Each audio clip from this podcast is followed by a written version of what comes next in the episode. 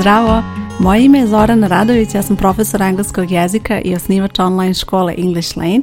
ovo što slušaš je English Lane podcast gdje pričamo o korisnim savjetima i lekcijama za učenje engleskog jezika. U ovoj epizodi pričat ću o tome kako da obnovljaš engleski jezik i zašto je to važno, kada kreneš sa učenjem engleskog jezika ili kada već neko vreme učiš engleski jezik, vrlo često ćeš doći u situaciju da stalno prelaziš neke lekcije, uradiš nekoliko vežbanja i onda opet ideš na sljedeće neke lekcije i non stop se gomilaju nove informacije, gomilaju se nove reči i u nekom trenutku ćeš i sama vrlo brzo shvatiti da je to previše informacija za tebe i to je sasvim normalno, to se svima dešava i to je bitno da prepoznaš tu pojavu i da shvatiš da u tom trenutku treba malo da zastaneš, ne treba da napraviš pauzu kada je u pitanju učenja engleskog jezika, ali treba da napraviš pauzu kada je u pitanju količina informacija, odnosno novih informacija koje dobiješ. Tebi će možda lekcija koju pređeš delovati u tom trenutku jasno, ali ako stalno učiš nove lekcije i ako stalno neke nove reči tu dolaze, jednostavno u nekom trenutku će naići neko vežbanje ili neki zadatak gdje ćeš tek tada shvatiti pa ipak nisi baš ono sve dobro naučila, iako ti se učinilo da jesi, iako ti se učinilo da si sve lepo zapamtila tu lekciju u tom trenutku, ali vrlo je bitno da zapamtiš da kada učiš engleski moraš da učiš dugoročno, znači učiš da bi i kasnije to umela da primeniš i zato je vrlo bitno da shvatiš da nije uvijek rješenje da naučiš nešto novo kada sedneš da učiš. Recimo danas ove nedelje si planirala da učiš engleski i želiš da naučiš neku novu lekciju, ali to nije uvijek dobro rješenje. Nekada jednostavno treba da uradiš nešto što će ti pomoći da obnoviš ono što si učila do sada. Uspjeh u učenju engleskog jezika na duže staze je jedino moguć uz tu kvalitetnu rutinu obnavljanja i to je nešto o čemu ćemo pričati danas. Prvi predlog kada je u pitanju obnavljanje je da uradiš vežbanja koja si već uradila. I evo zašto to radiš. Ako recimo naučiš neku lekciju i onda posle te lekcije obično imaš vežbanja, ti ćeš vrlo često biti u situaciji da odmah možeš da uradiš i da ti je to vežbanje potpuno jasno u tom trenutku. Ali ako recimo probaš da uradiš to isto vežbanje za nedelju dana ili za dve nedelje čak, može se desiti da nisi nešto ipak lepo naučila i da ti u tom trenutku nešto ipak nije sasvim jasno ili da si jednostavno zaboravila nešto umeđu vremenu ili da iako si možda naučila tada kada si učila lekciju i znala u tom trenutku da primeniš, sada ne znaš što znači da je neophodno da obnoviš. Zato je bitno da radiš vežbanja ponovo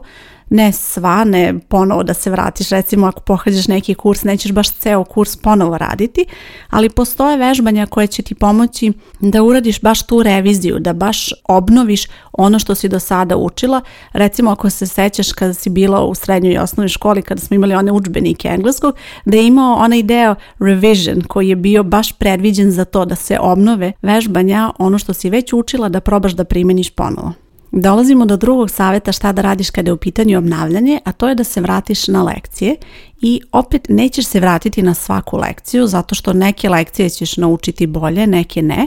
i to je ono što ćeš utvrditi kada uradiš vežbanja. Znači prvo ćeš uraditi vežbanja da provežbaš, da vidiš da li znaš da upotrebiš sve što si učila i tu ćeš primetiti neke greške, nešto što nisi možda savladala i kada to uradiš onda treba da se vratiš na neku lekciju. Na primjer, ako si u vežbanju pogrešila vreme, nisi upotrebila recimo present simple, a ti si upotrebila present continuous, to znači da postoji neka nedoumica kada je u pitanju to vreme, kada se koristi jedno, kada drugo i to je znak da treba da se vratiš na lekciju o sadašnjim vremenima. Ako si u nekom vežbanju pogrešila neke reči, recimo pogrešno si napisala neku reč ili si sasvim pogrešno upotrebila neku reč, to je znak da treba da se vratiš na lekciju u kojoj su bile te reči i da naučiš te reči kako se pišu, šta znače i kada se koriste. Sljedeće što treba da uradiš kada je u pitanju obnavljanje je da upotrebiš ono što si učila. Najbolji način da upotrebiš ono što si učila je kroz konverzaciju i konverzacija može biti u pisanom ili u usmenom obliku i nije bitno kako ćeš ti upotrebiti u tom trenutku, ali probaj da sve što učiš zaista upotrebiš u toj komunikaciji i na neki način da uradiš nešto, da objasniš nešto na engleskom, da prepričaš, da ispričaš neki događaj koji se dogodio, šta god, bitno je da koristiš engleski, da koristiš ono što si učila do sada jer kada to radiš, ti onda sprečavaš sebe da dođeš u situaciju da nešto zaboraviš, to je prvo. A drugo, ti tu vidiš da li si zaista sa razumevanjem nešto naučila. Jer ako se tebi učini da si neku lekciju naučila, pročitala i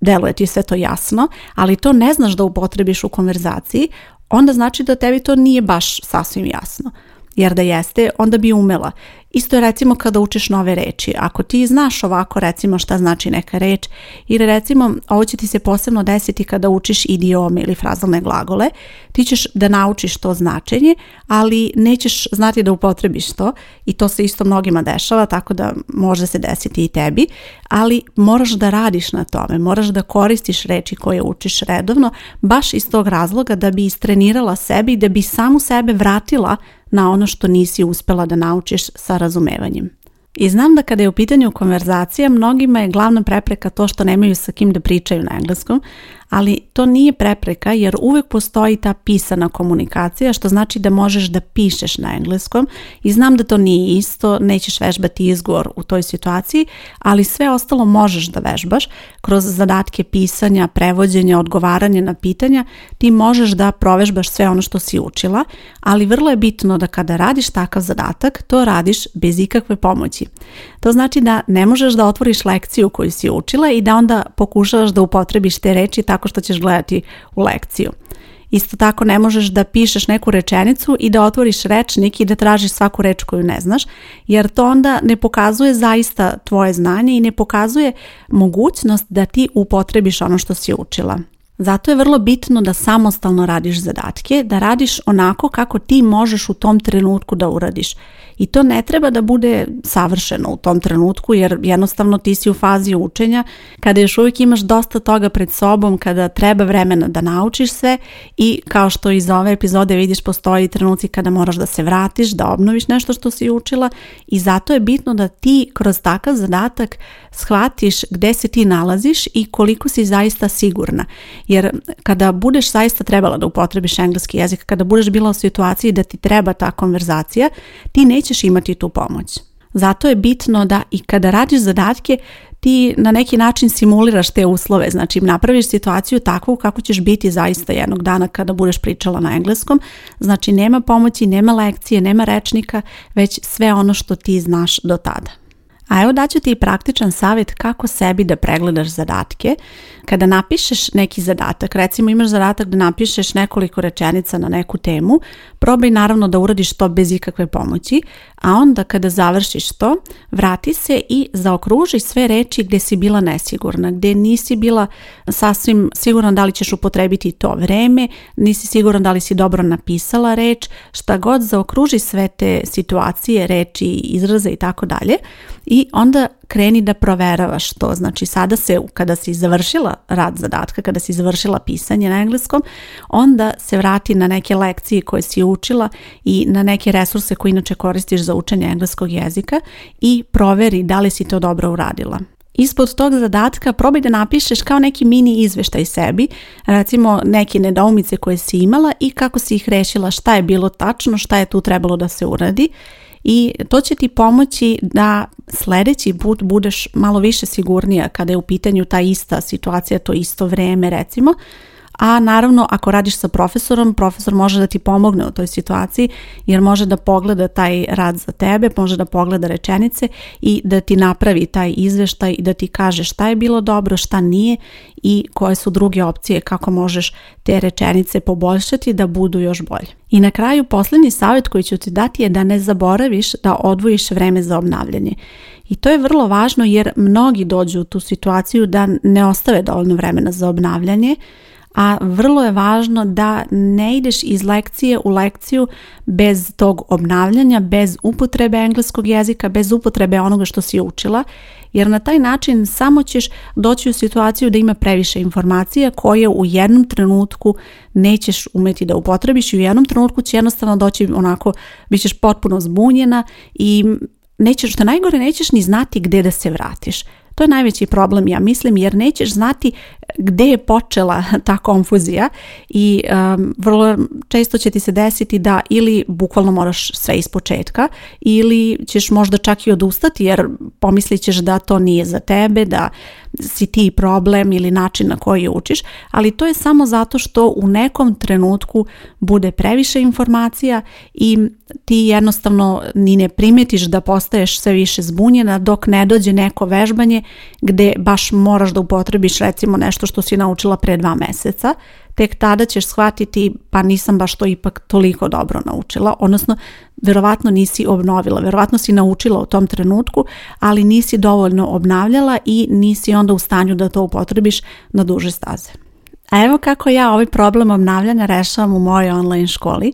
Svesna sam da mnogi koji uče engleski jezik zaborave značaj obnavljanja i vrlo često ne žele da se vraćaju na vežbanja i lekcije koje su već uradili i to je nešto sasvim normalno. Vrlo često ljudi razmišljaju na takav način ako su završili nešto, što bi se sad vraćali na to ponovo, jednostavno završili su to i idemo dalje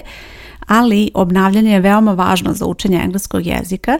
i u mojoj školi, imajući u vidu da sam ja ne samo predavač, već i autor svih kurseva, ovo mi omogućava nešto veoma kreativno, a to je da u same kurseve integrišem obnavljanje kao nešto što deluje novo, a zapravo je obnavljanje i zapravo pomaže polaznicama da steknu sigurnost i da onda na kraju kursa kad sve to završe zaista imaju znanje, a ne samo da su prešle neke lekcije, već zaista mogu to da e, upotrebe. I sad znam da mnogi polaznice koje slušaju ovo da će odmah reći aha, zato je ta lekcija i tako, ali e, vrlo je bitno, znači recimo ako naučiš neku lekciju, da onda recimo uradiš lekciju koja je sa druge perspektive predstavljena to ili recimo kroz drugačije primere i to je nešto što ja radim u okviru mojih kurseva tako da neka lekcija će imati malo eto drugačiju perspektivu, znači predstavljenu neku temu na malo drugačiji način, baš iz tog razloga da omogući polaznicama da obnove ono što su učile kroz neki novi sadržaj i to je nešto što će njih motivisati da uče, a zapravo im pružiti priliku da obnove to što su učile. Na ovaj način se uči sa razumevanjem, uči se kvalitetno i uči se dugoročno, a što najbolje, ovakve aktivnosti meni omogućavaju da kroz izveštaj polaznice tačno vidim gde su počele nesigurnosti i u tom trenutku ja mogu da reagujem i mogu da vratim polaznicu, ok, ova lekcija je bila problem, vidim da ovdje nije bilo sigurnosti, ovaj zadatak recimo ili ovo vežbanje nisi dobro uradila i to mi omogućava da polaznici dam savjet gde da se vrati tačno na koju lekciju, šta treba da uradi ponovo da bi rešila te nedoumice ili jednostavno ja pošaljem neko dodatno objašnjenje zašto ovaj primjer nije tačan, da li ova rečenica može ovako ili mora na neki drugi način i na taj način zajedno rešavamo nedoumice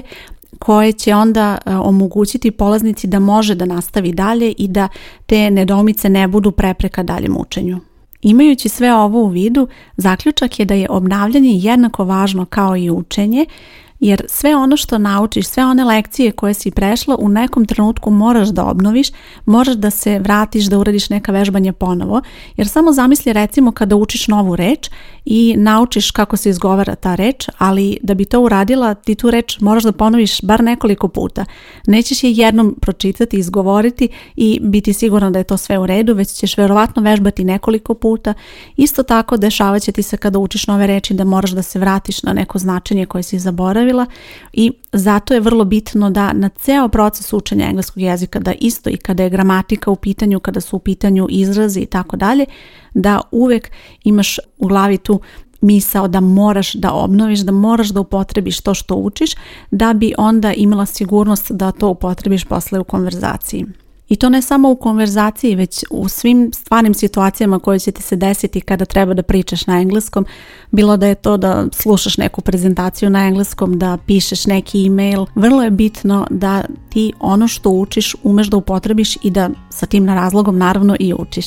Ukoliko želiš da učiš u mojoj online školi, na ovoj stranici gdje slušaš podcast bit će link ili jednostavno potraži English Lane online škola i tu ćeš vidjeti sve informacije o tome kako funkcioniše učenje i kako možeš da se prijaviš. Ja sam Zorana Radović, hvala ti što slušaš podcast i čujemo se uskoro u sljedećoj epizodi. Ćao!